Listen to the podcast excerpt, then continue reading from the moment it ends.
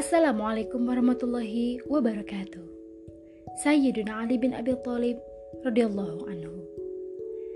Suatu hari, Rasulullah Shallallahu alaihi wasallam mengumumkan bahwa beliau akan menentukan panglima di antara para sahabat untuk perang Khaybar. Kedudukan ini akan diberikan kepada orang yang mencintai Allah dan Rasulullah sebagaimana Allah Subhanahu wa taala dan Rasulullah Shallallahu alaihi wasallam mencintai orang tersebut. Para sahabat pun merasa bingung dan tentu berharap mendapatkan kedudukan yang agung itu.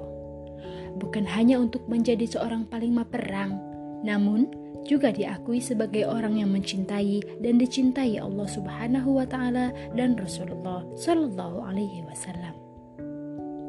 Mereka pun berharap agar kedudukan itu layak untuk mereka.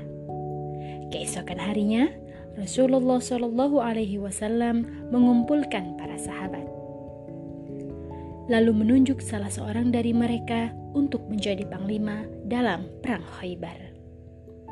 Ialah Sayyidina Ali bin Abi Thalib radhiyallahu anhu yang padahal ketika itu sedang menderita sakit mata yang cukup parah.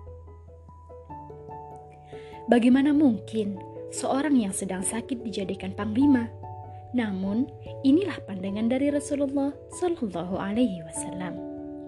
Kemudian Rasulullah Shallallahu Alaihi Wasallam memanggil Sayyidina Ali radhiyallahu anhu lalu mengobati kedua matanya dengan air liur Rasulullah yang mulia.